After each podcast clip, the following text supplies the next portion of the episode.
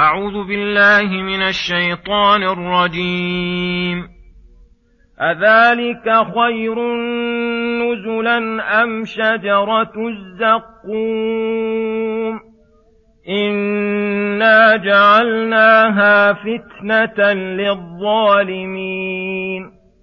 إنها شجرة تخرج في أصل الجحيم. طلعها كأنه رؤوس الشياطين فإنهم لآكلون منها فمالئون منها البطون ثم إن لهم عليها لشوبا من حميم ثم إن مرجعهم لإلى الجحيم إنهم ألفوا آباءهم ضالين فهم على آثارهم يهرعون ولقد ضل قبلهم أكثر الأولين ولقد أرسلنا فيهم منذرين فانظر كيف كان عاقبة المنذرين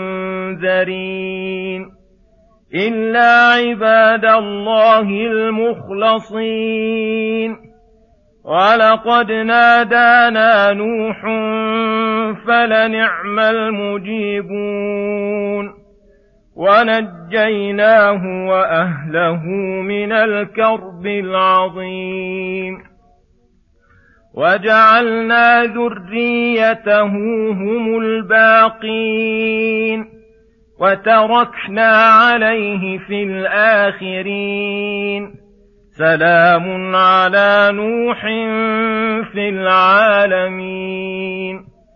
إنا كذلك نجزي المحسنين. إنه من عبادنا المؤمنين. ثم أغرقنا الآخرين.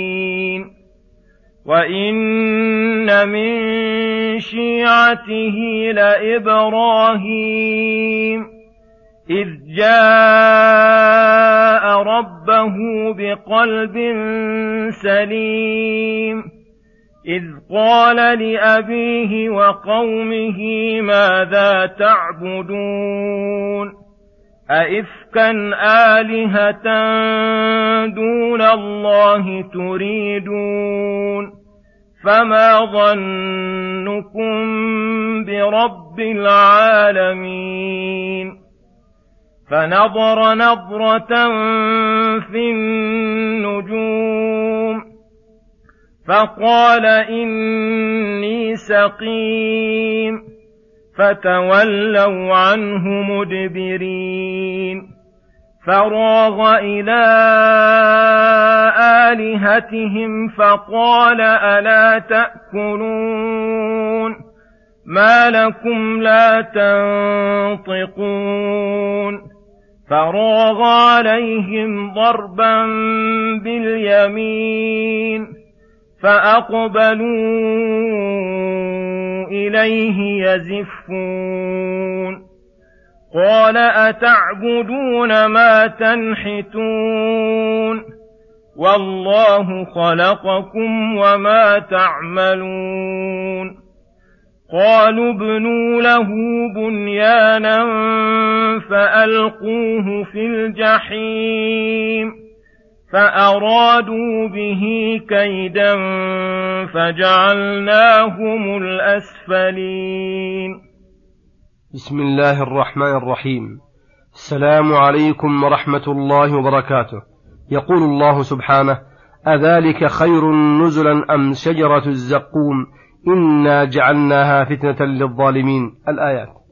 أذلك خير نزلا أي أذلك النعيم الذي وصفناه لأهل الجنة خير أم العذاب الذي يكون في الجحيم من جميع أصناف العذاب؟ فأي الطعامين أولى؟ الطعام الذي وصف في الجنة أم طعام أهل النار وهو شجرة الزقوم؟ إنا جعلناها فتنة. أي عذابا ونكالا للظالمين أنفسهم بالكفر والمعاصي إنها شجرة تخرج في أصل الجحيم. أي وسطه. فهذا مخرجها ومعدنها شر المعادن وأسوأها. وشر المغرس يدل على شر الغراس وخسته. ولهذا نبهنا الله على شرها بما ذكر أين تنبت به وبما ذكر من صفة ثمرتها. وأن طلعها كأنه رؤوس الشياطين. فلا تسأل بعد هذا عن طعمها وما تفعل في أجواف مبطونهم وليس لهم عنها مندوحة ولا معدل ولهذا قال فإنهم لآكلون منها فمالئون منها البطون. فهذا طعام أهل النار فبئس الطعام طعامهم. ثم ذكر شرابهم فقال ثم إن لهم عليها أي على أثر هذا الطعام لشوبا من حميم أي ماء حارا قد تناهى حره كما قال تعالى وإن يستغيثوا يغاثوا بماء كالمهل يشوي الوجوه بئس الشراب وساءت مرتفقا. وكما قال تعالى وسقوا ماء حميما فقطع أمعاءهم ثم إن مرجعهم أي مآلهم ومقرهم ومأواهم لإلى الجحيم ليذوقوا من عذابه الشديد وحره العظيم ما ليس عليه مزيد من الشقاء. وكأنه قيل ما الذي أوصلهم إلى هذه الدار؟ فقال إنهم ألفوا أي وجدوا آباءهم ضالين فهم على آثارهم يهرعون أي يسرعون في, أي يسرعون في الضلال فلم يلتفتوا إلى ما دعتهم إليه الرسل ولا إلى ما حذرتهم عنه الكتب ولا إلى أقوال الناصحين بل عارضوهم بأن قالوا إنا وجدنا آباءنا على أمة وإنا على آثارهم مقتدون. ولقد ضل قبلهم أي قبل هؤلاء المخاطبين أكثر الأولين وقليل منهم من آمن واهتدى. ولقد أرسلنا فيهم منذرين ينذرونهم من غيهم وضلالهم. فانظر كيف كان عاقبة المنذرين. كانت عاقبتهم الهلاك والخزي والفضيحة. فليحذر هؤلاء أن يستمروا على ضلالهم فيصيبهم مثل ما أصابهم.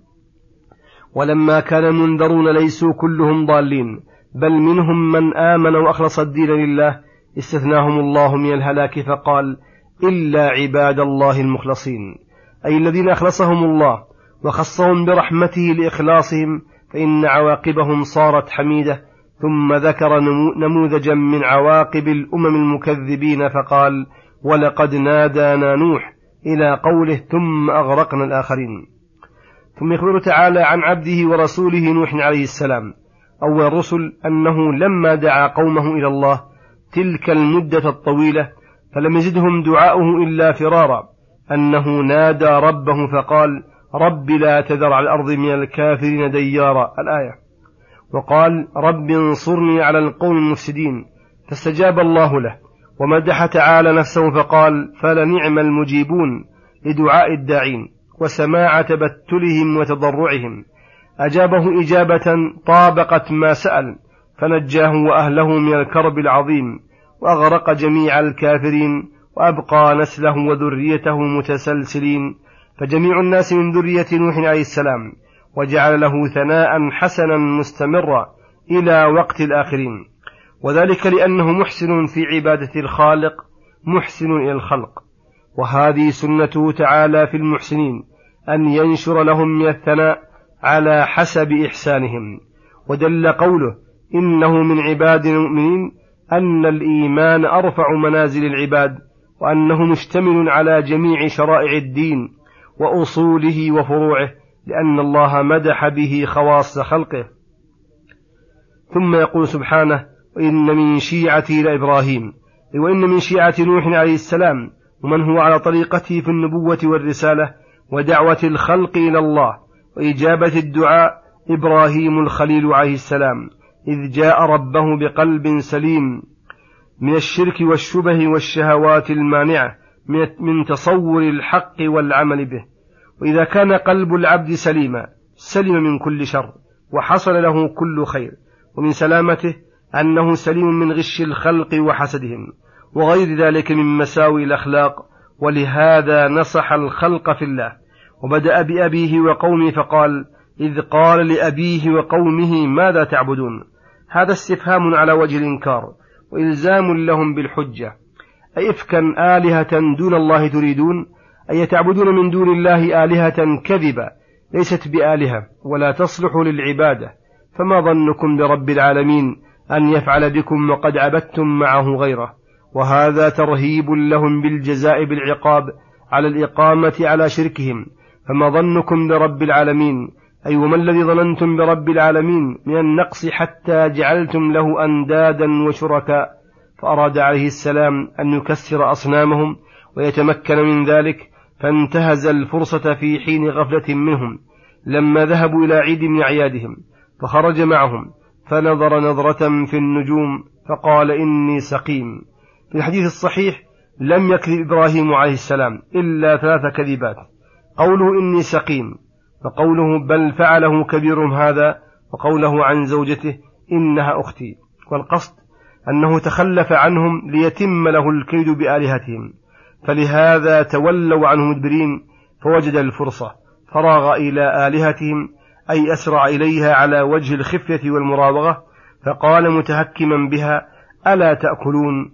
ما لكم لا تنطقون؟ أي فكيف يليق أن تعبد وهي أنقص من الحيوانات التي تأكل وتكلم؟ وهذه جمادات لا تأكل ولا تكلم. فراغ عليهم ضربا باليمين أي جعل يضربها بقوته ونشاطه حتى جعلها جذاذا إلا كبيرا لهم لعلهم إليه يرجعون.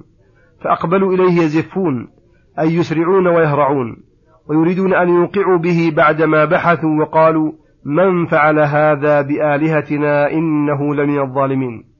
وقيل لهم سمعنا فتى يذكرهم يقال له إبراهيم يقول تالله لأكيدن أصنامكم بعد أن تولوا مدبرين. فوبخوه ولاموه فقال بل فعله كبيرهم هذا فاسألوهم إن كانوا ينطقون. فرجعوا إلى أنفسهم فقالوا إنكم أنتم الظالمون. ثم نكسوا على رؤوسهم لقد علمت ما هؤلاء ينطقون. قال أفت قال أتعبدون من دون الله ما لا ينفعكم ولا يضركم. الآية. وقال هنا أتعبدون ما تنحتون؟ أي تنحتونه بأيديكم وتصنعونه فكيف تعبدونهم وأنتم الذين صنعتموهم؟ وتتركون الإخلاص لله. والله خلقكم وما تعملون. قالوا ابنوا له بنيانا أي عاليا مرتفعا وأوقدوا فيه النار فألقوه في الجحيم جزاء على ما فعل من تكسير آلهتهم. فأرادوا به كيدا ليقتلوه أشنع قتله فجعلناهم الأسفلين رد الله كيدهم في نحورهم وجعل النار على إبراهيم بردا وسلاما وصلى الله وسلم على نبينا محمد وعلى آله وصحبه أجمعين وإلى الحلقة القادمة غدا إن شاء الله والسلام عليكم ورحمة الله وبركاته